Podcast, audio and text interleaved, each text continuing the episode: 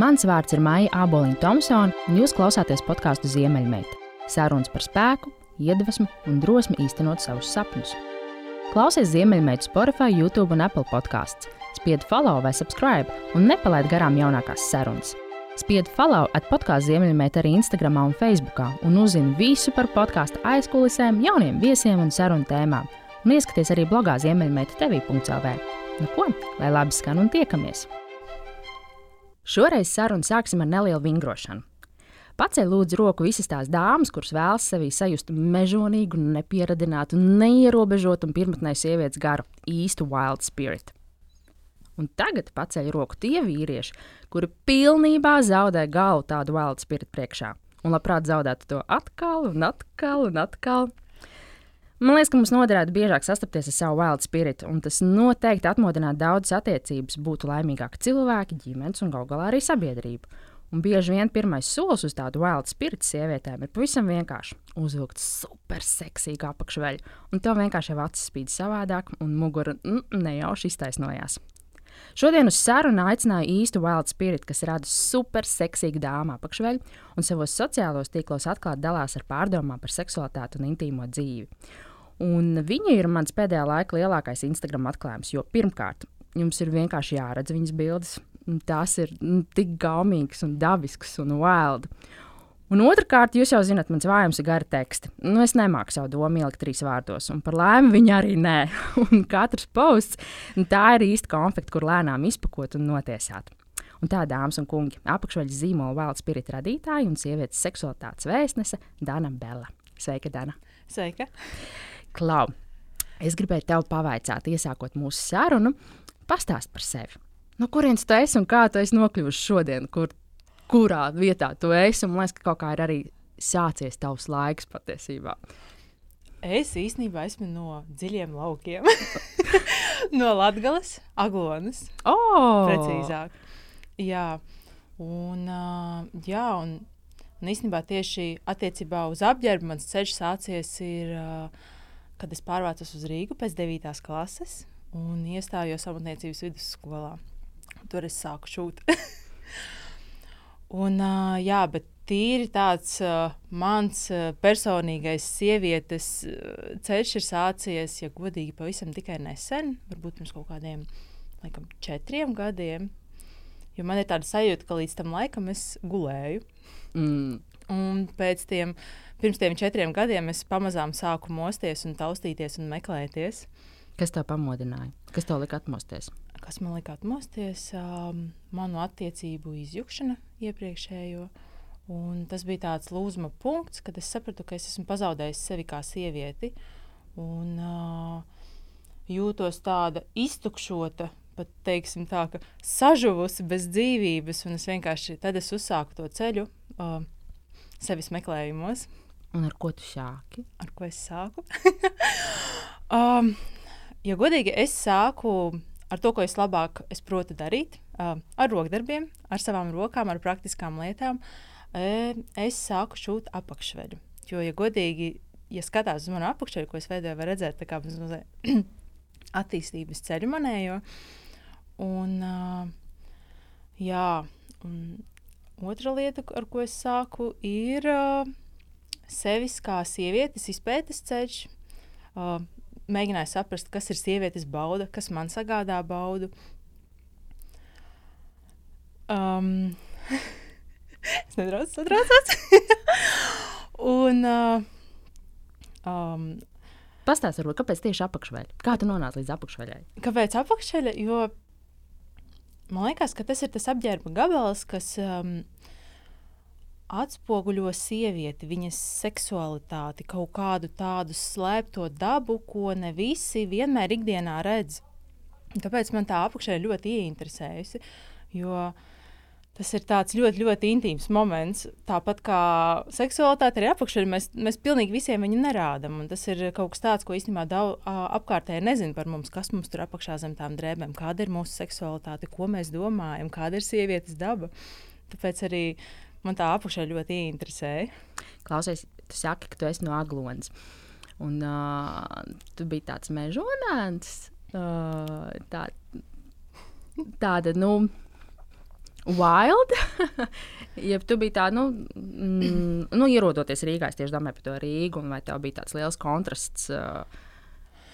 Ai, ja godīgi, es, ja teiksim, Aglonā es biju tāda mākslinieciska ar uh, tādu interesantu pasaules uztveri, bet es atzīšu, es biju nedaudz kautrīga. Mm -hmm. Un uh, ierodoties Rīgā, īstenībā tas bija tāds pirmā, pirmā reize, kad es biju tādā plašā uh, plašā, lielā telpā, viena pati, ne telpā, bet tādā sabiedrībā. Un, uh, Man pat es atceros, ka bija tāda sajūta, ka es, es ne, nesapratu tos attālumus, kāda ir Rīgā. Es pirmo reizi viena pati biju kaut kur šādā pilsētā. Un es atceros to, ka es no imantas biju domājis, ka es varētu aiziet līdz Rīgas centram kājām. Okay. Tā bija okay. mana apziņa. Un, es, un pēc 9. klases arī, kad es beigās sapratu, ka var iekāpt tajā mitri, mikriņā un aizbraukt līdz centram, es arī pirmo reizi uzkāpu arī teiksim, uz eskalātoru, uz tām braucamajām kāpnēm. Tur tā Man bija tā, ka tur bija ļoti daudz pirmās reizes un atklāsmes Rīgā. Un es atzīšos, es, es rītīgi aizgāju vēl modā. es trakoju, ballējos, un um, es dzīvoju kopmītnēs, un es pilnībā izbaudīju visu, visu ko Rīga sniedz. es... Kas ir tavs lielākā laika ziņa par to laiku? Kas tas, ko, kā tas laiks tev veidoja, un kas ir tas, ko tu no tā, tā kā šodien sakot, tajā brīdī iemācījos to? Ja godīgi, man pat nav tādas baigās atziņas, jo es atzīšos pēc 9. klases, ja tā, ja tā tieši saka, tad mums vēl joprojām visiem ir čuras galvā. mēs mums tieši tā viņas ir visvairāk. Jā, un, un mēs vienkārši trakojam pa pasauli. Uh, man kaut kādas lielākās atziņas varbūt ir veidojušās pēc kaut kādiem 25 gadiem, bet uh, tajā laikā es vienkārši trakoju. Jūrlīdz ceļiem. Jā. Nu, tad sanāk, ka īstenībā tu tā diezgan drosmīgi un ātri adaptējies Rīgas trakai dzīvē, kļuvi par ballīšu meiteni, kārtīgi izbaudīji dzīves garšu. Bet tu arī sanāk, diezgan ātri arī kļuvi par ģimenes cilvēku. Jā, es apprecējos īstenībā ļoti agri. Tas bija kaut kādos, laikam, 20 gados. Mm -hmm. es visu darīju ļoti strauji. Bet, um, Es vienkārši es kaut kad biju domājis, kāpēc es tik ātri apprecējos. Tas var būt tāpēc, ka es um, dziļi iekšēnē alku pēc ģimenes, jo es pārāk ātri aizskrēju prom no ģimenes. Bet tev kaut kā vēl prasās pēc visa tā. Pēc drošības, pēc uh, sava bariņa, pēc, uh, pēc ģimenes. Un tāpēc es ļoti, ļoti ātri iemetos iekšā tajā laulībā. Man liekas, yes! Tagad tas pie vietas, jā. jā. ir stabilitāte. Jā. Un tev arī ļoti agri piedzima dēliņš. Jā. Kā tas ir tik jaunai audzināt bērniņu? Mm, īstenībā ir grūti, jo tev vēl nav nostabilizējusies visa tā domāšana, visa tā uztvere. Un vēl ir nedaudz tā, teiksim, tās čuras galvā, un uh, ir daudz lietas, kuras tu pat nespēji aptvert. Jā, tāpēc ir diezgan grūti. Bija grūti. bija tāds baisais lauciens, tāds uh, personiskais, tas, ka tu vairs neesi tu centrā, bet tev ir kāds, kas ir svarīgāks par tevi. Un šādā agrā vecumā tas varētu būt diezgan traumējoši, man liekas, cilvēkam. Tev tas bija traumējoši, ja tas bija tā, nu, tā ģimenes sajūta nāca pāri tam. Nu, viņa nāca pāri. Vienkārši tas pirmais posms bija grūts, un varbūt man arī nebija tik daudz informācijas, ka, teiksim, ir pēcdzemdību depresija, un man viņa bija diezgan smagā formā. Uh, Un, uh, man nebija ne mazākās nojausmas, kas tas ir. Man vienkārši likās, ka ar mani kaut kas nav kārtībā. Un es atzīšos, laikam, tas posms, kad man nebija tāda profesionāla palīdzība, un es arī viņu nemeklēju, jo man likās, ka es esmu vainīga. Tas ļoti daudz ko teiksim, sabeidza arī manās attiecībās, un vispār manā uztverē un sabojāja mani kā personību. Vai arī norūdīja? Uh, es Es nezinu, vai tas rūdījums bija tāds labs un pozitīvs. Viņš bija diezgan nežēlīgs un tāds pilns ar pārmetumiem. Tāpēc es, ne, es laikam, ne. Un ko tu darītu, ja tu šodien kļūtu par māmu? Ko tu darītu savādāk? Vai kas būtu tas padoms, ko tu ar šodienas acīm dotu sev, jaunai mammai? Nevajag būt perfektai. Un uh, ir uh, jāuzdrīkstās uh, prasīt palīdzību cilvēkiem un pateikt, ka tu nevari, ka tu vairs nevari un ka tev ir nepieciešama tā palīdzība. Tas bija tas, kas man trūka. Man liekas, ka es visu varu izdarīt pati. Es visu arī izdarīšu, esmu ļoti stipra. Un es pilnīgi nevienam neprasīju palīdzību. Man iekšā bija tik daudz pārmetumu, tur viss vienkārši vārījās, un es ar to netiku galā. Īstenībā ir jāprasa palīdzība cilvēkiem. Mm, to visgrūtāk izdarīt. Mm, jā, jebkurā brīdī. Bet man tas, kas man vienmēr liekas ļoti forši, kad, ja tev agrā vecumā piedzimst tie bērniņi, tad uh, ap tiem 40, ka tu īsti ne tu esi vecs, ne tu esi jauns, tev ir lieli bērni. Viņam, cilvēkiem es parasti skatos, ir tik superīgas attiecības. Jā, tev ir tāds reāls draugs un atbalsts patiesībā. Jā, īstenībā es, es pilnībā piekrītu tam, jo Rūdim tagad ir uh, 12 gadi, un viņš ir jau tāds pieaugusi personība, un tu skaties, un kā viņš veidojās, un tu vari novērtēt to visu, un tu vēl neesi pārāk vecs. Un, nu, tā ir fantastiska sajūta tiešām.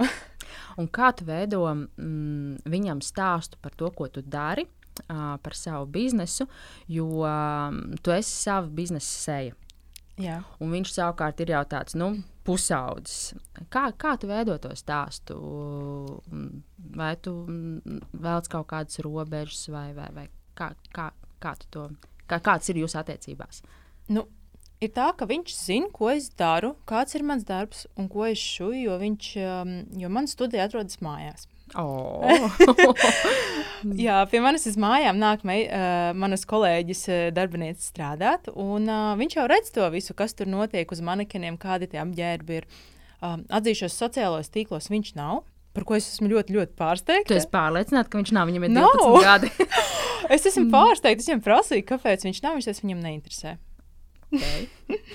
Jā, un tāpēc varbūt teiksim, tādas tā bildes viņš nav redzējis, bet nu, cik, cik viņš staigājis pa manu studiju, tur man ir tāda siena, kur ir visi komplekti un nosaukumi, un viņš apmēram jau zina. Nu, kā, viņš, mums nav bijusi tāda saruna, tāda nopietna, it kā tas būtu kaut kas tāds aizliegts vai kaut kas tāds tabū, ko es daru um, es atzīšos, mums ir diezgan tādi brīvi apstākļi. Viņš ir audzis tādos ļoti brīvos tādos apstākļos, un kaut kas tāds kā seksualitāte vai kailums ir. Uh, Normāls tēmas mūsu ģimenē. Tāpēc, uh, Kā tu to panāci, ka tas ir tāds nu, normāls tēma? Jo ļoti daudz uh, ģimenēs tur vecāki sārkstu, nezinu, ko darīt, un viens otram bakst sāno sev beidz, tā nevar runāt. Un es pieņemu, ka tā ir arī problēma tad, ja nu, tas bērns piedzimst vecākos gados. Nekā Jā. jaunākos gados. Ja, tu arī esi tur viss galvā, tur dzīve, mutuļo un viss mutuļo, tad tas bērns ļoti, ļoti, ļoti piedalās tajā trakumā. Kā, kā tu to veidoji? Nu, um, Rūda teica, uh, mans bijušais vīrs, viņš arī ir diezgan brīvs savos uzskatos, un uh, mēs jau no agra vecuma braucām uz nudistu pludmali. Un, teiksim, kaut kas tāds, viņam kails cilvēka ķermenis jau kopš mazotnes ir iemācīts, ka tas ir ok, tur nav nekas tāds, no kā jākaunās. Un, uh, tagad arī, kad nāca tuvāk laiks, mēs izrunājām visas tēmas, un nevis tādos, tādos bērnišķīgā, bērnišķīgā veidā, bet uh, normāli, viegli saprotami, bez tādas uh, kaut kādas kaunama pieskaņas, lai viņš saprotu, ka tas ir fini. Viņam ir jau mājās jau ir veidojies tas priekšstats, ka tas nav nekas tāds, no kā ir jākaunās, un uh, ka tā tēma ir, ir ok. Un īstenībā viņš bieži vien arī uzdod tādus jautājumus. Uh, ka šādi jautājumi viņam ir ikdienišķa lieta, viņš nekaunējas kaut ko pajautāt. Hei, maza reklāmas pauzīte! Mana profesionālā mīlestība ir ilgspēja, biznesa un attīstība. Es palīdzu uzņēmumiem norentēties ilgspējas jautājumos un izstrādāt ilgspējas stratēģiju, kas iet roku rokā ar biznesa mērķiem, Eiropas Savienības likumdošanu, pasaules tendencēm un inovācijām. Tas patiesībā ir stāsts par ilgspējīgu domāšanu, kas caurstrāvo visus biznesa procesus, tostarp adekvātu ilgspējas mērķu izvirzīšanu, detalizētu aktivitāšu plānu, sasniegto rezultātu mērīšanu un gal galā arī saprotamu komunikāciju darbiniekiem, klientiem un sadarbības partneriem. Taču pats svarīgākais - paskatīties uz ilgspēju kā savu biznesa ilgtermiņa attīstības iespēju un avotu foršām inovācijām. Ja tas tev šobrīd ir aktuāli, raksti man māja.aboliņa.tomsona at gmail.com. Bet nu gan atpakaļ pie sarunas. Man liekas, tas beigas forši, ka jums ir tik ļoti droša vide. Jā savstarpējās attiecībās un tik liela uzticība, ka jūs to tā varat brīvi, brīvi pārunāt. Bet kā tu viņam māci mm, sievietes, at, sievietes un vīriešu attiecības, un, un, un kā attiekties pret sievieti, un kādam ir jābūt vīrietim, un vai tur vispār ir kaut kādi priekšnosacījumi, nosacījumi, jeb kas ir tā tava uh, filozofija un dzīves mācība, ko tu viņam centies iemācīt? Man patīk viņam visu parādīt uh, caur piemēru, kad viņš mājās redz, ka, teiksim, kā mans vīrs izturās pret maniem daudz. Viņš redz, cik tādas mīļas mums ir attiecības. Un, uh, Un es uh, vienmēr viņam mācu, ka visu vajag izrunāt. Ja teiksim, vēl neesmu, mēs vēl neesam runājuši par tādām tā attiecībām, kuras viņš dibinās. Viņš vēl nav liekas, nu, aizgājis līdz tam. Es sajutīšu to momentu, kad ir jāsāk runāt par šo tēmu. Es arī cenšos viņus neforsēt, vienkārši visu informāciju nesagrūst vienlaicīgi. Bet uh, es viņam caur piemēru cenšos parādīt, uh, ka konflikti ir jāizrunā. Ka mīļošanās un, un tuvība un visas tādas. Uh, mīlestības izpausmes arī ir, ir ok. Un īstenībā tas ir daudz jādara un jāsamīļojas. Un tas ir tas, ko viņš ikdienā redz. Un, uh, Tagad viņam, protams, viņš jau drusku sāk distancēties no vecākiem. Ja, teiksim, es ar viņu runāju pa telefonu, tad uh, es viņam pasaku, es tevi ļoti mīlu. Viņš man nesaka, ka es tevi ļoti mīlu, jo viņš ir starp draugiem. Mm. Viņš vienkārši čau, mamma. Tas mierā, čau. Jā, runāsim vēlāk. Bet, teiksim, kad viņš iet gulēt, tad viņš vienmēr mani pasauc. Es esmu gatavs, var nākt samīļot. un tad, tad mēs vienmēr sabučojamies, un es tevi ļoti mīlu, lai tev saldas apnīš, un tad tur viss full on mīļums ir. Un es tā kā arī. Uh, redzu tās robežas, un es viņam arī neuzmācos ar to mīlestību, ka es redzu, ka viņam uh, šobrīd nevajag, viņš ir starp draugiem, man ir jāiet tur kaut kāda robežiņa. Mm -hmm. Un tāpēc jā, es viņam visu rādu ar piemēru. Baigi forši. Klausies, uh, pastāst, kā tev radās tā kaislība pret apģērbu šūšanu? Oh, tas īstenībā jau ir no agras, agras bērnības. Jo tad, kad um, kad visiem sāka parādīties bārbijas un lēles, un uh, man nebija pārāk turīgi vecāki. Man bija ļoti neglīta barbija, bet viņai bija vienkārši afigēna smuki tērpi. es, vieg...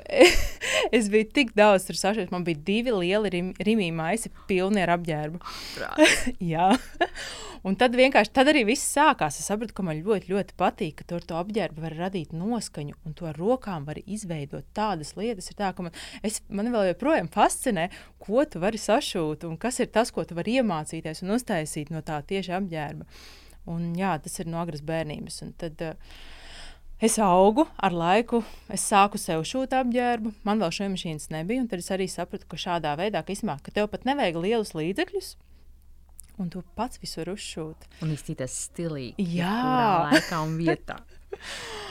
Tā kā jā, man patika pirkt, iet uz um, humpala veikaliem, pirkt apģērbus un pāršūt viņus, pārveidot. Un, uh, uztaisīt no viņiem dažādas interesantas lietas. Tu būtībā, tā, kad tu devies uz Rīgā, tas jau bija diezgan mērķiecīgi, ka tu mācīsies tieši. Jā. Es jau, es jau skaidri zināju, ko es darīšu. Es jau īstenībā, man liekas, tik līdz es dabūju savu pirmo lēli, es zināju, ko es darīšu. Un, visu, un tas vispār nav mainījies. Un kas bija tas uh, mērķis, ko tu gāji? Kas ir tiksim, tas augstākais punkts? Tiksim, tu būt par dizaineri tur vai, vai, vai, vai, vai būt savu īpašu, uh, uzņēmumu īpašniecē, vai ko tu biji sev atlikusi tā kā tādu augstāko mērķi? Es zināju, ka man būs um, apģērba zīmols un liels uzņēmums. Es vēl tikai nezināju. Man sākumā likās, ka tie būs apģērbi, tīri tā kleitas un kaut kas tāds. Bet uh, ar, ar manu personības transformāciju arī transformējās mans mērķis, ko es šūšu. Tagad tas ir, ir apakšveļa. Bet sadzīšos pirms pieciem gadiem, man joprojām likās, ka tas būs apģērbs. Un kurš bija tas pagrieziena punkts, kad tev arī tapa Wild Spirit, un ka tu nolēmi, ka nu, viss, tagad viss man enerģija būs tikai un vienīgi sev, savam biznesam, šūšanai, savai kaislībai? Tas uh, manī nāca šī atklāsme, kad man piedzima rūdis. Uh, pēc kaut kādiem, varbūt diviem gadiem, es, es sāku pamazām šūt, kā man sāka, par, sāka parādīties brīvais laiks. Un tad es sapratu, ka es gribu veidot savu zīmolu. Tad es uh, Tad arī tapa šis nosaukums. Sākumā tas bija domāts, ka tie būs bohēmiski apģērbi, kimono, kleitas un vasaras tērpi. Bet uh, uh, kaut kā tas viss, es, es sāku sākumā tās kleitas šūt. It kā ļoti forši uztaisīju pirmo kolekciju. un viņi uzreiz momentā izpirka. Oho, man, man, ja? jā, man kaut kā paveicās. Es to darīju Etsy. Es pat atceros pirmo pircēju, kurš iegādājās pirmo. Pirmos mēs vienmēr atceramies. Vi... jā, tas bija. Tā bija Mišela no Amerikas. Ak, Dievs, Viņa nopirka kombināciju. Es viņai, viņai aizsūtīju. Viņai viņš nederēja. viņa viņu man sūtīja atpakaļ. Es viņu pāršuvu, sūtīju atkal viņai. Viņai viņš atkal nederēja. Tad viņa atkal man viņu sūtīja atpakaļ. Šis pirmais pirkums ilga kaut kādus trīs mēnešus. Un pēdējais, trešais viņai ļoti labi derēja. Pēc tam viņa iegādājās vēl kaut kādus, man liekas, tur kleitu, bija vēl kaut kādi šorti. Nu, bija tā, ka viņa vienkārši pa... ļoti daudz pirkumus veica. Bet, uh, jā. Tad, kad tu sāki to enerģiju fokusēt uz savu uzņēmēju darbību, Vai tev kaut kādā brīdī bija tā doma, mm, kā tas tagad būs? Man vajag kaut kādu biznesa plānu, vai man tur būs gana daudz ienākumu, vai man būs apgrozāmie līdzekļi. Tā, nu, vai tu gāji caur to uzņēmēju mindsetu, jeb tu gāji vienkārši, pff, es šūšu, lai notiek, kas notiek, tad redzēs, kur man tas ceļš aizvedīs. Bija tas otrais. Es vienkārši kaut kādā freestēlā sāku radīt un vienkārši piedāvāt cilvēkiem skatīties, kur, kurš grib, kas ko grib. Jo, uh, ne, man, manī nav tādas uh, pavisam tehniskās domāšanas, ka es domāju par tām finansēm, un kā es, ko es, un biznesa plāns. Man kaut kā nestrādā tā domāšana. Tā nav mana stiprā puse. Mans, tas radošums ir mana stiprā puse. Un tāpēc es vienkārši domāju, ka es sākšu darīt, un vienkārši on the fly skatīšos, patīk, nepatīk cilvēkiem, vai viņi grib, vai viņi vēlas to iegādāties. Jo man liekas, tā pārdošana man jau ir kopš bērnības. Man es vienmēr darīju tā, ja es kaut ko uztaisu, es skatos, kurš to grib nopirkt. À, tad tu teiksi, nevis skaties, ko grib cilvēki, Jā. bet. Um, uh -huh. es, es, man liekas, es visu laiku esmu netieši kaut ko tirgojusi. Tas, tas ir man asinīs, man patīk. tad būtībā mm, tā investīcija, kas tev bija nepieciešama, lai uzsāktu to savu biznesu, bija tik, cik nopirkt pirmo audumu. Jā. Sašūt tā pirmā ideja, tu viņu pārdod, rekomendē ir uzreiz līdzekļi, ņem nākamo cietu. Jep, jep, es nopelnu un uzreiz ieguldu iekšā. Un tā visu laiku, visu laiku, un teiksim, uh, arī šobrīd. Uh, man pazuda doma. Uh, nu jā, uh, es. Uh, Arī tu vienkārši skaties, kas pērk un lietas vien... iekšā. Visu jā, un es, nākamajā iekšā. Es ķeru to jā. vilni un tad es vienkārši skatos, kur man jāiet. jā būtībā tad sanāk, ka um, jā, tu nevis skaties, ko tirgus vēlās, bet tas, ko tu gribi piedāvāt, un, un, un, un tad tev samačojās. Nu, tas, tas bija sākums. Tagad gan es skatos, ko tirgus vēlās, jo man patīk. Mm, Tagad ir tāda opcija, ka pie manas meitenes iepērkās, ir iespēja iegādāties to, kas jau ir gatavs, manu to vīziju, un ir spēcpasūtījumi. Tas Jā. ir tur, kur sievietes izpaužās. Un, uh, Un kas visas... ir vairāk pēcpasūtījumu vai tas, ko tu piedāvā? Uh, ko vairāk iegādājas? Īstenībā puse uz pusi. À, nopietni, jā. jā, nu, es atzīšos, tie pēcpasūtījumi, viņām liekas, ka viņas to visu nosaka, bet es īstenībā virzu tajā virzienā, ko man gribētos mm. sašūt. Jo šobrīd man ir tāds periods, ka es nevaru uztaisīt jauno kolekciju. Jo ir ļoti liels pasūtījumu daudzums, un man ļoti maz laiks aiziet tam radošajam. Un tāpēc uh, man patīk tie spēcpasūtījumi, jo es tos pircējus virzu tajās sliedītēs, ko man gribētos uzšūt, piedāvāju ļoti meistarīgi. Un īstenībā uh, es caur spēcpasūtījumiem realizēju savu jauno kolekciju. ļoti gudri, ļoti gudri. Kas ir tās uh, lielākās grūtības, kas tev ir līdz šim bijušas attīstot to savu biznesu, ar kurām tu esi sastapusies? Um, vislielākās grūtības ir um, darba spēks. Ah, jā palīdzīgas rokas. Tas, jo tā ir šūšana. Un, manuprāt, Latvijā ir izteikta tāda, mums tāds rokdarbnieku gēns, un visas sievietes, kas lielākoties kaut ko šuj, viņas šuj priekš sevis, un viņām ir kaut kāds savs mazais zīmols. Un tāpēc ir ļoti, ļoti grūti atrast šuvējs, kas ir gatavas iesaistīties tavā biznesā. Un kur tā atradi? Um, Ja godīgi, es vienkārši ik pa laikam iemetu kaut kādus storijus, Instagramā ierunāju, ka es meklēju papildspēkus, un uh, man piesakās meitenes, kuras jau kādu laiku seko man. Un tā kā mani jau ir iepazinušas, un, un tad viņām rodas tāda doma, ka viņas gribētu strādāt tajā vidē, un tad viņas piesakās. Un tieši šādā veidā es esmu atradusi tiešām ļoti foršas meitenes. Ir tā, ka viņas par šo ideju. Viņas nav tā, ka viņas vienkārši atnāk uz darbu un strādā. Viņas savā brīvajā laikā domā, viņas funkcionē kaut ko. Un pat ir bijis tā, ka, piemēram, Uh, viena meitene, kas manā strādā, viņai nav darba diena, bet viņa vienkārši ieskrien pie manis studijā, atbrauc un kaut ko, kaut ko viņa ir izdomājusi. Kaut kas viņai ir ienācis, teiksim, kā tur uz kastītēm salīmēt kaut, kaut ko, lai atvieglotu mums tur darbu. Un, nu, visādus maziņus knipiņus viņa ieskrien, izdara un aizskrien projām. Cik jūs tagad esat dāmas? Uh, tagad mēs esam četras, bet nu jau mums laikam pievienosies vēl divas meitenes tu audz kā biznesa līderis. kā ir šis ceļš būt, nu, augt par biznesa līderi? Jo tajā brīdī, kad tev ir komanda, tad jau tu vairs nu, nevari pati nodoties tam rokdarbam. Tev ir jādomā arī par to komandas virzīšanu, motivēšanu, biznesa attīstīšanu, lai ir ko maksāt tiem cilvēkiem. Kā tev šī jaunā loma? Ja godīgi, man ļoti, ļoti patīk. À, jā? jā, jo man liekas, uh, man patīk, ka es varu veidot to komandu tādu tā kā ģimeni, bet es esmu mamma. bet es respektēju visus un, un radu viņiem pašus apstākļus. Un, uh, man īstenībā ļoti patika uz Ziemassvētkiem. Es varēju meitenēm iedot Ziemassvētku bonusus. Es nezinu, man bija tā, man patīk tagad skudriņas, man ļoti patīk. Un uh, es sapratu, ka man laikam patīk maksāt uh, kā, saviem darbiniekiem. Kaut kāds ir kaivs tajā, ka tu, viņam, var, tu vari viņam samaksāt algu. Es nezinu, patīk radīt darba vietas. Jā, un es pie, vienkārši es redzu, ka tas cilvēks man palīdz, un viņš man palīdz vairāk nopelnīt naudu, un man gribās atalgot viņu. Un to es noķēru, jo man nesen vienam draugam uzdeva jautājumu, nu, teiksim, kā tas ir maksāt vēl dažiem nu, cilvēkiem, kā maksāt citiem cilvēkiem, dalīties savos ienākumos. Bet es teicu, nu, ka īstenībā tas ir īsi, ja tu uz to paskaties no tā skatu punkta, ka šis cilvēks tev palīdz vairāk nopelnīt. Ja tev nebūtu šis cilvēks, tad tev nebūtu arī tas, ko tu tagad esi nopelnījis, ka viņš tev rada naudu Un tu tāpēc ar prieku viņu atalgo. Mm -hmm. Tu būtībā tev ir atvērusies tāda jauna elpa, kas ir tas uzņēmējs gars, tas Jā. līderis gars, komandas veidotājs gars. Kas ir tā, tā nākotnes vīzija, uz kur tu tagad gribētu iet? Un tev noteikti ir kaut kāds mērķis atlikts vai, vai tas uh, redzējums. Vai, vai, vai. Jā, uh, man ir nākotnes vīzija nestrādāt mājās. Beidzot, es ceru, ka šī gada laikā tas realizēsies. Un atrast foršas, lielas telpas un, un iet iekšā tur strādāt, un vairāk cilvēkus sameklēt komandā un izveidot to komandu lielāku.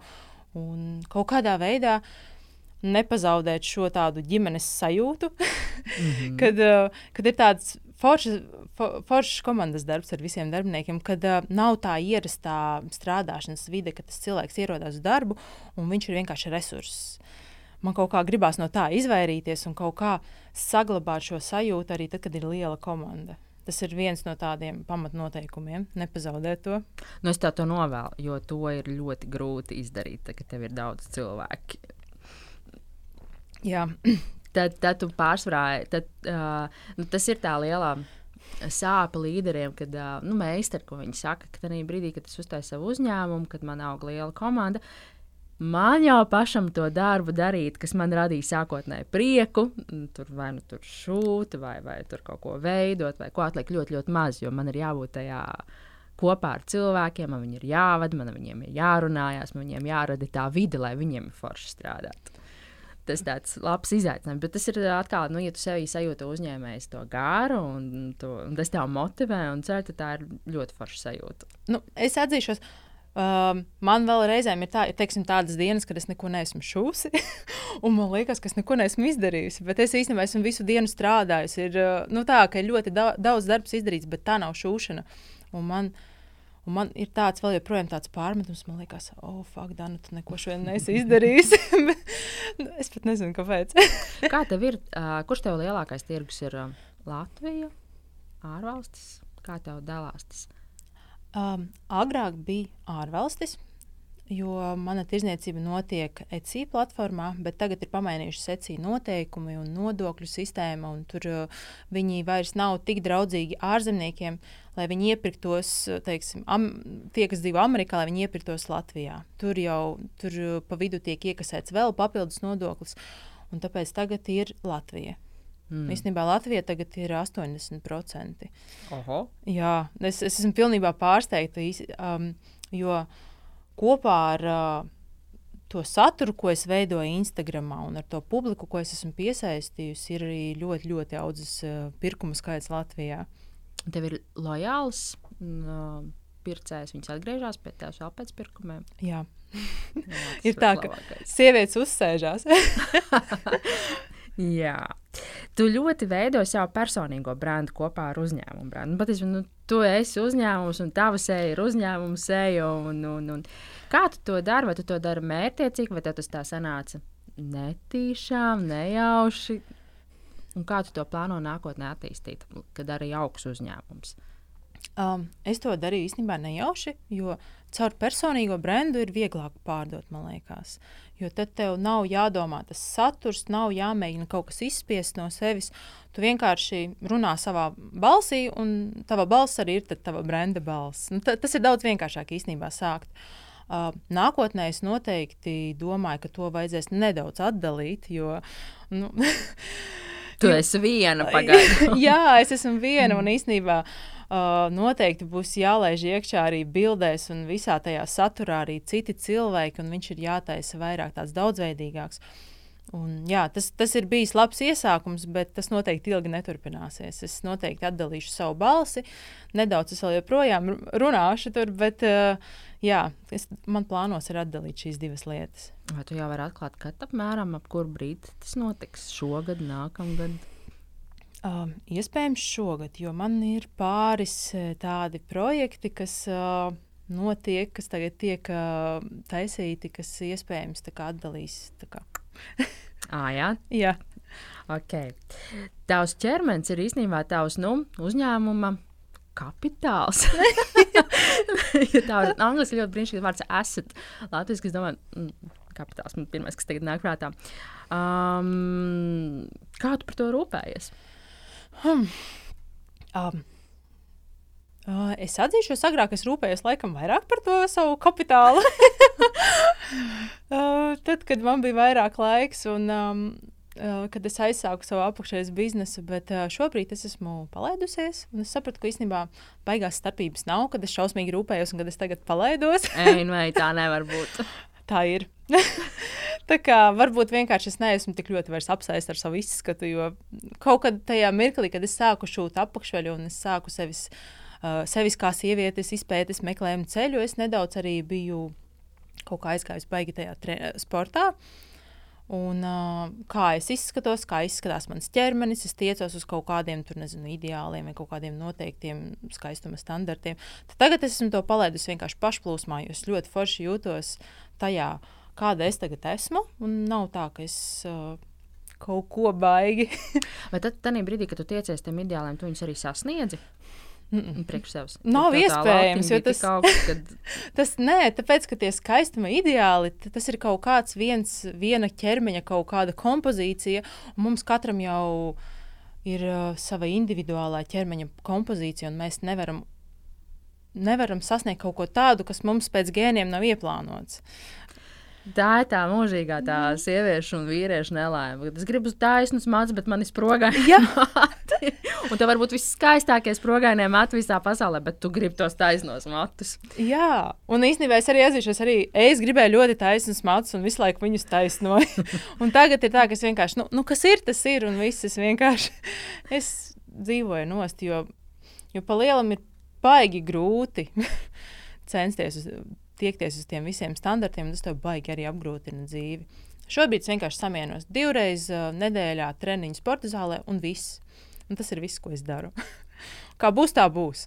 no, nu, un līdz fotosesijas brīdim, kad tev atnāk bildes, un tev Photoshops iet pāri? Uh, nē, man nepatīk īstenībā sadarbība ar tādiem fotogrāfiem, kuri ļoti smagi lieto Photoshopu. Uh, man patīk. Uh, fotografi, kas ir tie jaunie fotografi, kuriem vēl nav tas uh, tāds hardcore apstrāde, tie, kas vēl varbūt nemāķi apstrādāt. Un tāpēc man tie patīk. Un, uh, jā, Photoshops tur nav daudz. Es cenšos vienkārši visas fotosesijas taisīt no rīta. kad tu vēl, kad tu esi paēdis tikai brokastis. Es saprotu, tas ir mans triks. Vakarā es vairs tā neizskatos. Rīta gaisma. Mēs tā paši pārgājām uz to fotosesijas tēmu. Um, Kas veido to set dizainu? Un, un vai jau vai tas ir tava, tava fantāzija, tavas idejas par to, kur un kā tas notiks, kādās gaismās, kādā vidē, kāda būs tā scenogrāfija, kāds tieši tu bildes vēlēsies? Tas ir pilnīgi tavs izdomāts. Uh, lielākoties jā, 30%. Es parasti izdomāju, es nopičoju tam fotogrāfam savu ideju, un tad mēs satiekamies un bildējam. Un ir arī tādi fotografi, kuriem jau ir konkrēta ideja, ko viņš gribētu sabildēt. Un tad uh, viņi man piedāvā, un tad es vienkārši piemeklēju kaut ko attiecīgu, kas varētu piestāvēt, un tad mēs uztaisām kaut kādu. Un kur tu smēlies idejas? Uh, Iedvesmu.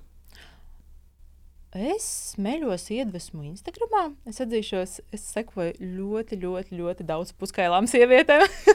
Visām Instagram modelēm un apakšējiem modelēm. Man vienkārši man patīk. Un, un tur es smeļos iedvesmu kaut kādām, varbūt interesantām, kaut kādiem fotosesiju setupiem, accessoriem, kaut kādām tēmām un vietām. Un, jā, un tad es taisu tādu tā folderīti, kur ir pilns ar idejām. Un tad, kad man plānojas fotosesijas, vienkārši smeļu, atveru vaļā un atrodu kaut ko. Kā tu pierunā savu vīrieti piedalīties fotosesijās? um, Ja tev varbūt vispār nav jāpierunā. nu, viņš zina, ka man tās fotosesijas tā kā, palīdz manam biznesam. Un tāpēc viņš piekrīt. Jums ir tāds līgums. Nē, viņš vienkārši ļoti atbalsta visu, ko es daru. Es atzīšos, varbūt teiksim, tās fotosesijas, nav tas kā, mīļākā viņa nodarbe. Bet uh, ja es parasti piemeklēju kaut kādu attiecīgu fotografu, kas viņam varētu patikt, un teiksim, viņš justos ērti un forši, un varbūt interesanti viņam būtu un to tēmu, un tad viņš piekrīt. Bet uh, nav tā, ka tā ir viņa mīļākā nodarbe. un uh, tavā pieredzē, ar ko tev ir vieglāk fotografēties, vai teiksim, kas, um, kam ir tā acs, kas to bildi rada tieši tādu, kā tev vajag, vīrietim vai sievietei? Um, mm -hmm. Īsnībā man ir bijusi dažāda pieredze. Man ļoti patīk bildēties ar sievietēm, jo viņas to sievietes, otras sievietes ķermeni kaut kā savādāk redz. Viņas redz no tās kaut kādas sievišķās puses, un nav tur tā, tāda pavisam seksīgā pieskaņa. Un tas ir tas, ko es tagad gribu attēlot. Uh, Ja agrāk īstenībā man patika tie fotografi, kuriem ir tāds in your face, seksīgas bildes, un tas bija tas, uz ko es tiecos un ko es gribēju, tad uh, tagad man pāriet vairāk tāds mierīgā tonī, un to vairāk, labi, vislabāk attēlo sievietes. Bet ir arī daži fotografi jaunie, kas uh, tiešām kaut kādas pēdējās sadarbības bijušas, kas tiešām tik ļoti forši un maigi māk to sievietes dabu attēlot. Uh, Tā kā ir gan, gan īstenībā. Un tad, kad tu uh, modelē fotosesijā, tu iejūties kaut kādā lomā, vai tā esi pilnībā tu tāda, kā tu esi? Oh, es atzīšos, man ir, man laikam, ir 101 personība, kura izpaužās fotosesijās. Un, um, jo, cik, jo man reizēm uh, arī piedod to personības pieskaņu, tas um, apakšējais komplekts, ko es esmu uzšūsi. mm. Un es kaut kā iemiesoju tieši to komplektu, un man tad, tā kā, nezinu, aktierim aiziet tā, tā kā aktieru spēle. Tad es būšu kaķene, nu, jā, romantiskā mežģīnais. un man patīk arī īstenībā kaut kādi accessori, tur zaķa austiņas, kaķa mhm. austiņas. Mm. Tas, tas tik ļoti labi to visu apspēlē un vēl labāk var iejusties tajā tēlā. Accessors tu pati taisi? Aksesuārus nē, bet nu, mums ir doma arī veidot ar kaut kādus aksesuārus. Jo viņi tā, viņi piedod tādu, viņus vajag. Viņus pie tā komplekta, jo tad, kad tu saliec kopā to, man liekas, ka tas ir nu, tik organiski viss. Un, uh, Man ļoti patīk tavs bildes. Uh, man viņas ļoti patīk tieši no tā aspekta, ka viņās ir uh, tā dabīgā gaisma, viņās ir tā dabīgā vide, un man patīk, kā tu šo tēlu ieliec nu, tajā ikdienā. Kad, nu, jo parasti kaut vai pašu to pašu žurnālu klubs vai, vai jebkuru citu vīriešu žurnālu, tas ir mākslīgi, tur ir viss tur nu, tas nav dabīgi. Tu ieliec to sievieti superīgi tajā virtuvē, tieši tādu, kāda viņa mājās varētu būt, un tā kā varbūt fantāzē viņas vīrietis vai viņa pati. Un, un tas ir tas, tas dabiskums un tas maigums, tas, tas tik ļoti nu, suģistē patiesībā. Un tu skaties uz to bildi. Uh, tu skaties to bildi kopumā, kā uz kompozīciju, kā uz tādu mākslas darbu, un tu pat mazāk redzi apakšveļu, ko tu mēģini ar to bildi pārdot, kā tu vairāk nolasi tieši to sajūtu. Un man liekas, ka tas ir tik brīnišķīgi, cik tu maigi uh, caur to bildes stāstu māki ar to spēlēties, gan to nerātnību parādīt, gan arī to maigumu mežģīnēs māki parādīt, un ka tu viņu ieliec tik smukās tādās ikdienišķās vietās, kā, nu, kas ir, ka tu neatrāvi viņu no tās um, dzīves realitātes. Kad, nu, tā, nu, tā arī ir. Tu esi tajā guļamistabā, tu esi tajā virtuvē, tu esi savā dārzā, vai tu esi kaut kur ceļam. Tā ir tava dzīve, un tu jebkurā brīdī vari uzzirksīt tā seksualitāte tevī. Un tu vari, nu, tu, Mīļais, braucam mežā iekšā, viss tūlītās no sērijas. Un, un, un tev tas tik smuki sanāks ar tām bildēm izstāstīt, un par to vislielākie komplimenti. Un Paldies! Kā tu māki to tā pacelt tādā ļoti, ļoti gaumīgā līmenī. Kad, tāpēc es saku, šodien es eju uz tavu Instagram kontu, vienkārši skatīties, lai priecētu acis un vienkārši meklēt dzīvē skaistumu. un, un, un, un, un, un tā bauda tieši no tām bildēm. Un, um, Un kā tev pašai liekas, vai tu esi mm, vairāk tāds badass, vai tu esi tāda vairāk maiga kaķene? Es agrāk, varbūt pirms kādiem trim gadiem, es biju vairāk tāda uz bedēs pusi. Man tur interesēja tur BDSM, un tad man sākās tur tie, es veidoju bondage komplektus, un uh, tur bija tādas diezgan tādas hardcoreīgas kolekcijas, tādas senior face seksīgas. Uh, Tagad es vairāk esmu uz mursīša pusi. un kāpēc tā, kas tev to switch? Kāpēc um, notika šis switch? Uh, tāpēc, ka varbūt tas sākuma, um, sākuma posms bija tāds vairāk, ka es metos tajā izpētē. Es gribēju visu izgaršot, visu pamēģināt, un visu iečakot. Visas tēmas, visur paspēlēties. Un, un tāpēc bija tā. Un tagad es esmu vairāk atradusi kas ir tas, kas man patīk, kas ir tas, kas man sagādā baudu, kā es jūtos pats savā ķermenī, kā es gribu komunicēt ar apkārtējiem. Un, un tāpēc esmu pārgājis šajā vairāk tādā mursīša noskaņā. Kā ir uh, mesties iekšā tajā piedzīvojumā, kad tu meklē sevi visā tajā? Ir, ir bailīgi, vai ir gluži pretēji tā, ok, kas ir, kas ir nākamais, dodiet man nākamo. Nu, tas ir tāds adrenalīns. Jo tas posms, kad es uh, metos iekšā meklējumos, viņš bija tāds ļoti, ļoti mežonīgs. Vispār mums Latvijā ir kur meklēt. Īstenībā ir kur meklēt. Ir tā, ja kas meklē, tas atrod. nu, labi. um, man, mans izpētes ceļš sākās ar to, ka es vienkārši sev biju pateikusi, ka es, es katru dienu iešu uz randiņu, vienu randiņu. Un Tinders bija mans uh, candy shops. es tiešām, es, es godīgi, es ļoti, ļoti iztrakojos un es uh, uh, nepārmetu to visu. Es to esmu, es kārtīgi esmu izbaudījis. Un, uh, jā, bet, bet bija ļoti mežonīgi. ko tu saprati par vīriešiem? Um, jautājums ir tāds statistikas jautājums. cik ilgā laikā tu gāji katru dienu uz randiņiem? Tas sanāk, cik tev bija randiņi, un ko tu vari secināt par vidējo latviešu vīrieti?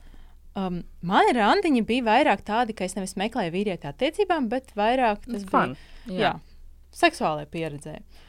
Un, uh, ko es varu secināt par vidējo vīrieti Latvijas? Ir tā, ka ir tādi uh, Oh, ka teiksim, tie klusie ūdeņi parasti ir tie dziļākie, un ir tie vīrieši, kas viskaļāk runā, uzvedās un ir tādi fleši savos um, izgājienos. Tie arī, no tiem arī vismazāk uh, var sagaidīt. teiksim tā. Senā zinām, patiesībā tikai pierādās būtībā nu, tāda klasika pati. Attiecīgi. Mm, vai mūsu vīrieši ir kautrīgi? Uh, mūsu vīrieši ir puse uz pusi īstenībā. Uh, es atzīšos, ka mums ir ļoti krāšņš, krāšņš šis vārds nevar izrunāt. Uh, kontingents ar vīriešiem ir, ir gan klusie ūdeņi, gan skaļi vīrieši. Nu, ir tā, ka ir ir daudz un dažādi. Nav tā, ka ir kaut kādi, vai mums ir izteikti kaut kādi viena veida vīrieši. Un kas ir tas, kas tevī vīrietī saista visvairāk?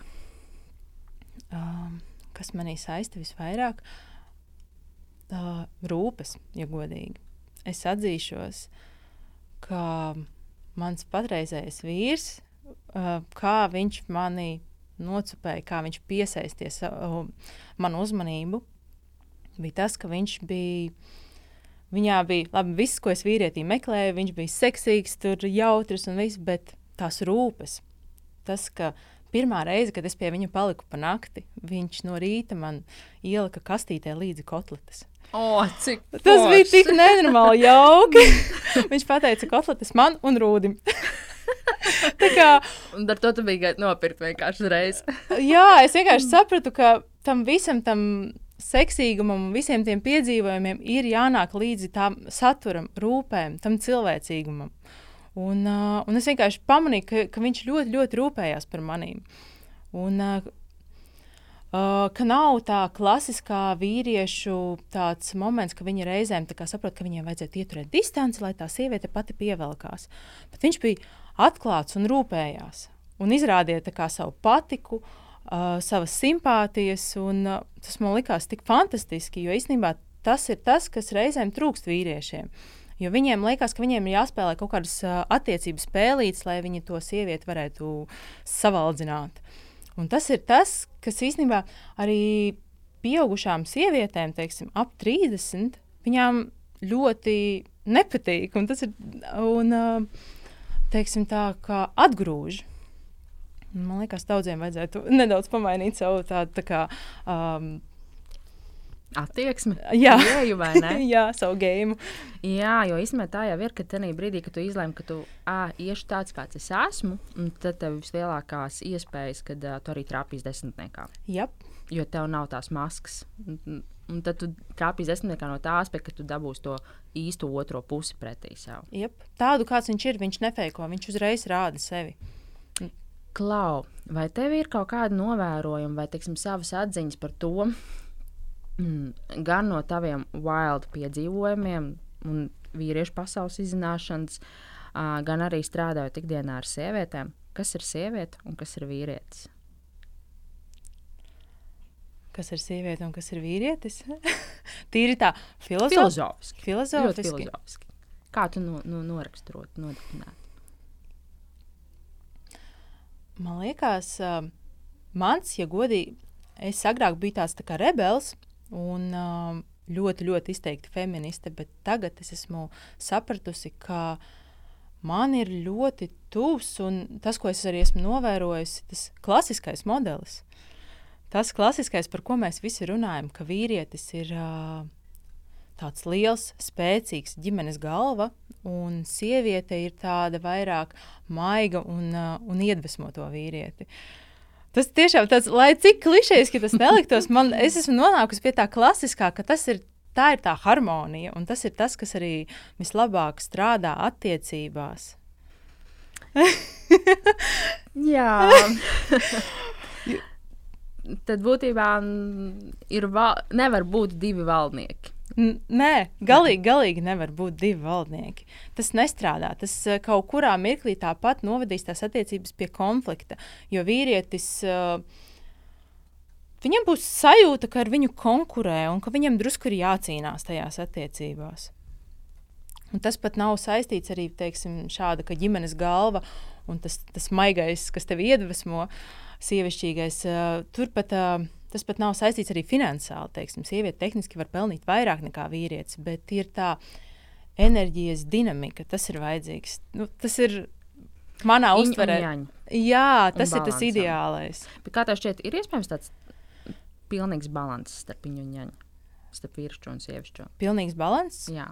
Un tā, ka visi ir tādā harmonijā, kad vēl vairāk harmonija nav iespējama. Un vai tas ir veselīgi? Man liekas, tas nav iespējams. Teiksim, ilgstošā laika periodā. Jo nu, tas nozīmē, ka tev dzīve vienkārši iet pa tādu taisnu līniju. līniju tas ir garlaicīgi arī. jo cilvēkiem ir emocijas un uh, ārēji apstākļi, un tas ir tas, kas vienmēr challenge tās attiecības, un tad jums ir strīdi un viss pārējais. Un, un vienkārši Un tas viss ir tādā miedarbībā. Un, nu, vienkārši dzīve notiek. un kas tev ir sievišķība? Sievišķība man ir uh, ļaušanās. Teiksim, ja es domāju par sevi, tad es vissievišķīgāk jūtos un tāda, tad, kad es uh, ļaujos dzīvei, savam vīrietim un reizēm arī apkārtējiem apstākļiem. Un, uh, tad es visvairāk sajūtu tieši to sievišķību. Jo tad, kad es pretojos, es saspringstu, un tad tā kaut pazūd tas vīgums, tas vieglums. Man ļoti patika tavs pēdējais posts. Es viņu bišķiņ pacitēšu šobrīd ļoti labi var izjust vīrišķā un sievišķā dinamiku. Jo šādos apstākļos, lai piedod man feminists, lielākā sieviešu sabiedrības daļa ir emocionāli murskuļa un nelietojams. Ar izņēmumiem, protams, mums apkārt ir arī bēdās Atēnas un Artemīdas. Sievietes superspēja ir just, un šobrīd tā nebūtu nav superspēja brīžiem, un traumēm mūs vairāk palīdz. Tagad kā nekad ir laiks paļauties uz savu vīrieti un vīrietim parādīt savas spēcīgās īpašības, vai sakonektēties ar savu personīgo vīrišķo pusi. Tā teikt, beigas atrodam savus inner balls, jo nevelti karā iet vīrieši, nevis sievietes. Nu, kas tāds? nu, punktu zīme, nu, tik beautiful, nu, tik precīzi. Kā sievietei celt vīriešu vīrišķību?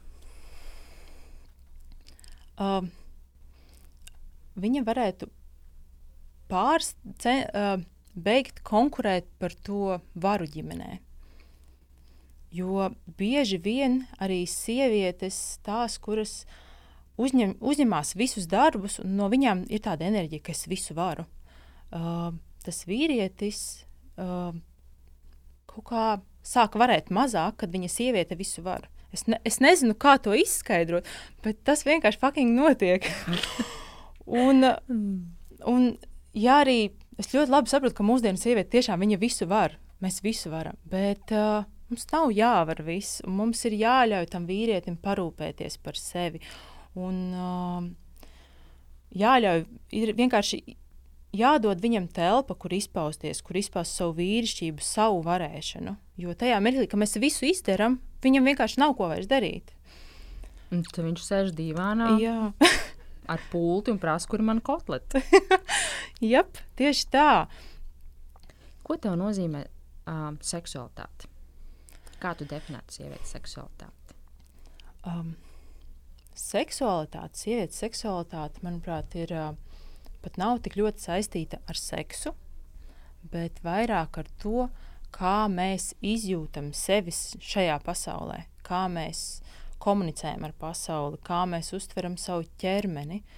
Uh, visa šī komunikācija, ķermeniskā komunikācija, un, um, tas, manuprāt, ir seksualitāte. Un tad arī nedaudz no tā visa, arī, protams, ir seks un bauda. Kā vīrietis var palīdzēt sievietei celt sievietes seksualitāti? Un kā sieviete var palīdzēt celt vīrietim vīriešu seksualitāti?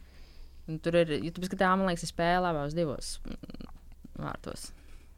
Um, Sieviete var palīdzēt, manuprāt, celt vīrieša seksualitāti, bet vīrietis, sievietes seksualitāti, viņai, viņš viņai nevar palīdzēt viņu celt.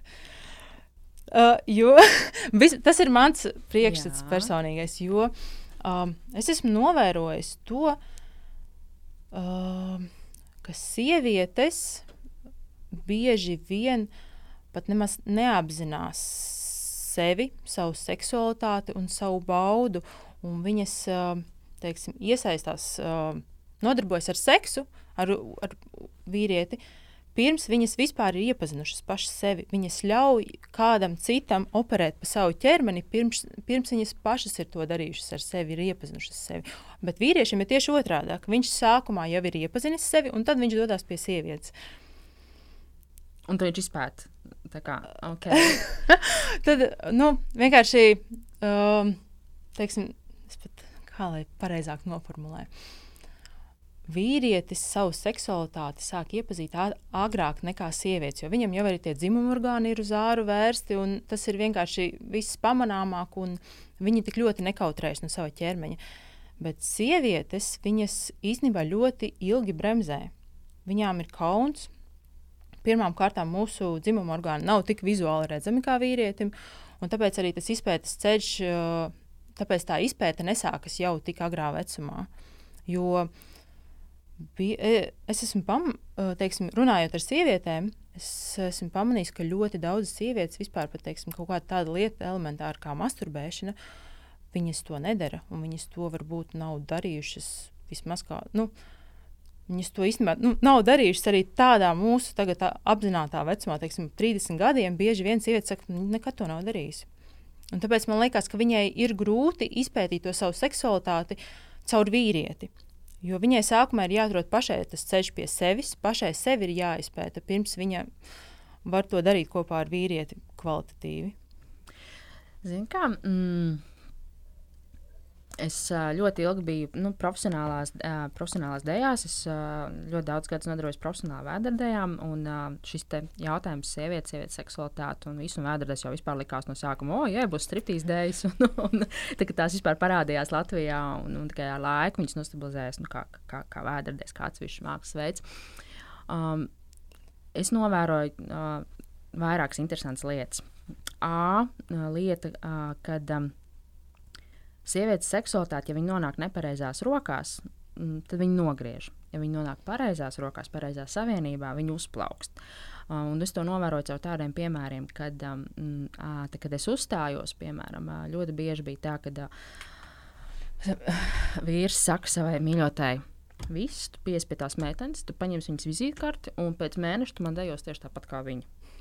Nu, tā tad, nu, tas ir jau tāds, nu, tāds diezgan tāds, nu, mājiņš ar mietu, vai, vai, vai, vai, vai atkal bija tādas situācijas, kad, nē, mīļā, es nestos uz to meiteni, es viņu neredzu vispār, tu esi mana vienīgā, un es neko citu neredzu un, un, un neinteresē. Un uh, bija atkal stāsti, kad pie manis nāca sievietes, viņas teica, ka vīri ir sajūsmā par to, kā viņas mājās sāk vairāk nu, kustēties un, un, un, un, un, un kļūst tādas brīvotākas un skatās sev spogulī. Un ir vīri, kas pasaka, es negribu, lai tu ejot. Tas ir, nē, vispār aizmirst, nekādā gadījumā. Un tad ir tā, ka nu, kur tas kaķēns nonāk? Vai tas kaķēns nonāk savienībā ar uh, otru pusi, uh, kurai patīk, kad tu uh, atver sevī to wild dzīvi, un tu izlaiž tos nadziņus, un tu jūties tajā lomā, un nu, naču mazai pelēni. Un ir tādi, kas tā kā dara visu, lai tam kaķītim tos nagus apgrieztu, un, un, un, un lai viņš mierīgi sēž tajā krēslā, un tu viņu var tikai papājāt. Un tā ir tāda, nu, man liekas, ka tā ir tāda divu pasauļu miedarbība. Un kad ļoti, ļoti liela nozīme tam, kas ir tā vide, uh, kurā tu vari ar to savu seksualitāti spēlēties, un vai te otra puse vispār pieņem pretī tās spēles ar tavu seksualitāti, vai tavu izaugsmu, vai tavu ceļu uz tavu seksualitāti. Un tas pats ir arī uh, uz otru pusi tēmējot, jo arī mēs, sievietes, pret saviem vīriešiem, bieži vien, ak, Dievs, ko tu man te tagad sit pa dibenu, vai nu, tur bērni skatās, vai tur, es nezinu, esam tur publiskā vietā, vai fuj, ko tu runā, kādus vārdus tu lieto, vai, nu, arī tā mēs savukārt uz otru pretējo pusi arī viņu tā kā vai nu ceļam, vai nu apgriežam tos nadziņus, vai, vai, vai, vai mēs atkal nu, mm, palīdzam izpausties. Nu, jā, īstenībā ir tā, ka ja otrs, ja tu nejūti to atbalstu no otras, ja tu zini, ja tev ir kauns, un tu zini, ka viņš atraidīs, tad tu arī neiedrošini. Un īstenībā tieši tā atvērtība arī veido to komunikāciju un to iedrošina to otru cilvēku pētīt. Nu, jā, ši, šis arī ir otrs veids. Bet, uh, uh,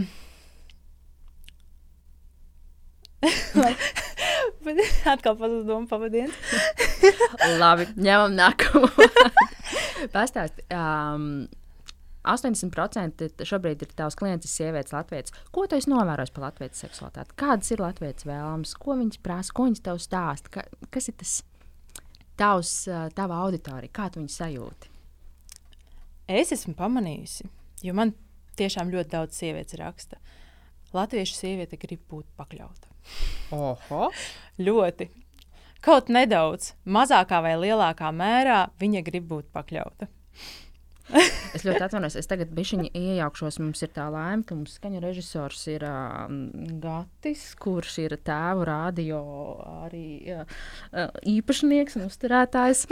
Un ļoti daudz interesēs un runā un pēta vīriešu dzīvi. Uh, Gati, vai tu dzirdēji šo te uh, Danas pēdējo teikumu, vai tev ir kāds komentārs par to? Vai vīrieši arī ir novērojuši to, ka sievietes grib būt pakļautas? Oi, jā, paldies tev, Māja! Par palikšanu zem tā un par tādu sarežģītu, grūtu jautājumu. Um, es, protams, es varu atbildēt tikai par sevi, par kaut kādiem jā, novērojumiem, ko es esmu ģimenēs redzējis. Kad, uh, man īstenībā, man, man laikam, jāpiekrīt, jā, ir tam, mm, nu, tam uh, klasiskajam ģimenes, uh, ģimenes tipam, ko, ko, ko jūs te jau arī runājat. Un, uh, un tajā brīdī tas, tas ļoti saskan mm, ar šo klasisko ģimenes teiksim, modeli, kad sievietei patīk, ka viņi ir, viņu, viņu pakļauj, ka vīrietis uzņemās šo iniciatīvu arī teiksim, intīmajā, intīmajās attiecībās, arī gultā.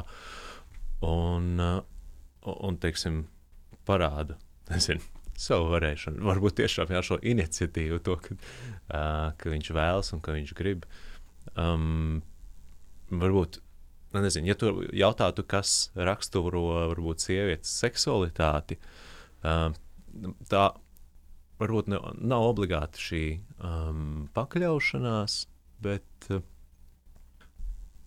tāda atklātība Un te es arī, protams, runāju vairāk tikai par to savējo skatu, uh, ka tā ir jā, tāda spēja pēc iespējas vairāk atklāties, eksperimentēt, uh, būt ievainojamai, nu, kaut kāds tas trauslums. Um, bet tā ir tikai viena tā šķautne. Protams, ka arī uh, visas šīs uh, trakulības un, un, un visas pārējās lietas arī ir uh, ļoti pievilcīgas, vilinošas. Mm. Bet jā, tajā brīdī, tad, kad uh, sieviete spēja atklāties un redz ar, ar šādu pašu, teiksim, uh, skaistu, uh, ļoti atvērtu, atklājošu apakšveļu, nu, kurš vīrietis pateiks nē? Kaut kā tā.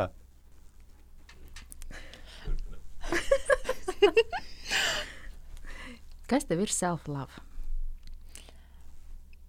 Man self-love ir uh, savu vajadzību apzināšanās un to respektēšana. Un kā tu nonāci līdz tādai atziņai? Un cik garš bija tavs ceļš? um, kā es nonācu? Es vienkārši nonācu tādā veidā, ka es ievēroju, ka man ir eh, tāds klasiskais latviešu tāda mentalitāte ziedoties citiem, citiem visu darīt. Un tad tu pamani, ka tu esi sevi pats atstājis novārtā. Un, uh, jā, un tad, uh, tas ir cik, jau, cik sen es pie tā nonācu. Tas arī pirms četriem gadiem, četriem, pieciem gadiem es nonācu pie tās apziņas, ka mans self-love pamatīgi pieklibo. Un, jā, un vienkārši ir jāsāk apzināties savas vajadzības un jārespektē viņas. Un, uh, jārūpējas par sevi. Laicīgi ir jārūpējas par sevi. Nedrīkst uh, aizlaist līdz pēdējiem mirklim, kad tur visi striķi plīst, un uh, kad jau ir galīgais moments, un tikai tad sākt rūpēties un kaut ko censties saglabāt. Ir vienkārši laicīgi jau vienkārši regulāri jārūpējas par sevi, lai nemaz tik tālu neaiziet. Tur es tā pilnīgi piekrītu. Un tas ir tas, ko es arī saku saviem vecākiem, kad uh, viņiem ir jārūpējas par sevi. Un es arī pat par sevi domāju, ka kā ir jārūpējas, lai maniem bērniem nebūtu jārūpējas pēc tam par mani. Vai būtu maksimāli mazāk jārūpējas par mani. Jo, nu, tad, kad saka, ah, gan jau kaut kā, nu nebūs, tad pēc tam viss ir tik slikti, ka vairs. Nu, tad ir grūti visiem pārējiem apkārt. Tur tie ir zelta vārdi. Ir vienkārši jārūpēs par sevi, mm. par savu mentālo, par savu fizisko, par, par, par savu vidi, par, nu, par visu. Un tad arī visiem pārējiem ir daudz vieglāk. Nu, lūk, tā mēs esam nejauši pietuvojušies uh, maniem uh, ātriem jautājumiem, ko es uzdodu katram viesim sarunas beigās. Un uh, spēles noteikumi ir tādi, ka tu uzdod ļoti īsus ātrus jautājumus, un tev jāšauj ārā pirmais, kas tev nāk prātā. Mm -hmm. Labi. Tavs mīļākais ēdiens? Pica. Tavs pirmais skūpsts bija? Mans pirmais skūpsts bija ar Vili. Manu klases biedru vārdā Vilis. Un īstenībā mēs mm. par šo runājām tieši ar manu vīru pavisam nesen. Viņš ilga vismaz kādu pusstundu. Man ļoti patika. Pirmais oh, my God, skūps, jā, tas bija tik nenormāli superīgi. Man patīk bučoties. es sapratu, ka man ļoti patīk skūpstīties. Viņš bija izcils. Dziesma, ko visbiežāk dungo pie sevis. Šobrīd, ak, Dievs, man šobrīd ir iesprūdusi galvā J.Lo dziesma no viņas pēdējās filmas Merīmī. Mm. es vienkārši nevaru dabūt viņu ārā no galvas. Lūdzu, turpiniet teikumu. Drosme ir Darīt, ko tu vēlies. drosmīgākā, varbūt trakākā lieta, ko jebkad esi darījusi. Aizbraukusi viena pati spontānā ceļojumā savā dzimšanas dienā uz Izraēlu. Ak, cik forši! Mīļākā filma. Mīļākā filma. Aha.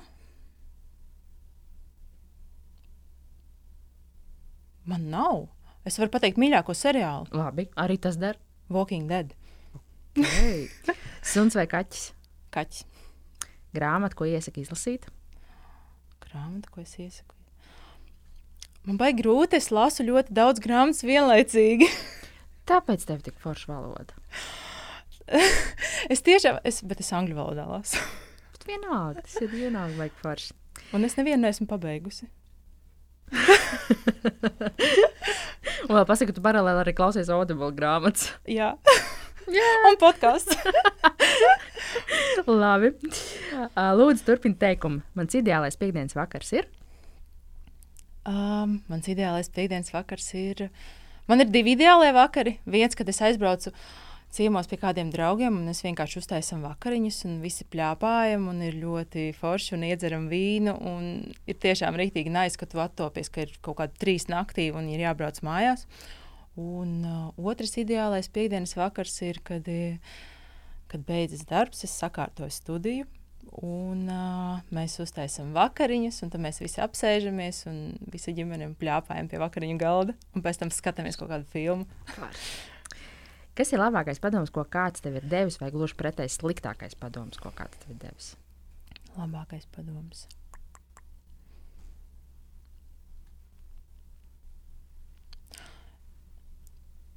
Es neesmu saņēmis baigi daudz padomus. Ja godīgi, es tagad nevaru iedomāties. Sliktākais noteikti ir uh, palikt attiecībās, lai vai kas, tikai tāpēc, ka tev ir ģimene. Ok, pieņemu. Tava mantra brīžiem, kad jāsaņemas. Um, brīžiem, kad ir jāsaņemas. Um, ja godīgi, mana mantra, tā ir angļu valodā. Tas ir vienmēr, ko es sev atkārtoju vārdā - moving forward imperfectly. Tas man ļoti, ļoti pat, palīdz samobilizēties un vienkārši darīt, lai vai kas, kā būs, tā būs. Un personība, ar kuru tu gribētu iet vakariņās, Personība, ar kuru es gribu. jebkura vēsturiska, tagadnes, Latvijas ārvalstu. Jebkura. Hmm. Tas tāds nav ātrais jautājums. es nevaru izdomāt. Tā.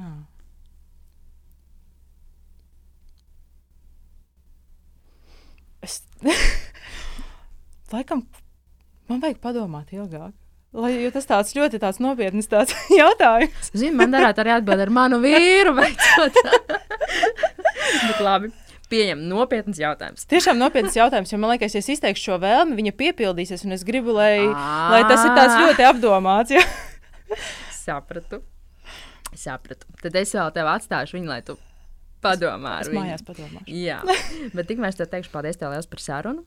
Uh, paldies, tev liels, ka ļāvies filozofiskām pārdomām. Paldies, liels, ka ļāvies, ka es tev pamoku ar uh, vieglākiem, sarežģītākiem filozofiskākiem jautājumiem. Un uh, turpini darīt, ko, ko tu dari. Un uh, turpini iedvesmot tāpat, kā tu iedvesmo, un lai tev viss izdodas, un viss tikai iet un aug un uz augšu un attīstās. Paldies, tev liels! Paldies, tev. Bija ļoti jauki ar tevi papļāpāt. Paldies! Paldies, ka biji kopā ar mums! Ja tev patika šodienas podkāstu saruna, lūdzu, dalies ar to savos sociālos tīklos. Savukārt, ja tev ir ideja, kuru personību tu gribētu dzirdēt kādā no nākošajām podkāstu sarunām, raksti man Instagram vai Facebook atpodkāstu Ziemeļmeita. Un kas zina, varbūt šo personību mēs nointervēsim ar tevi kopā šeit pat ierakstu studijā. Kārlis Skalbi ir teicis, pasaulē nav gala un debesīm nav malas. Īstā dzīve ir liela kā pasaule un augsta kā debesis. Dzīvosim īsti! Atām!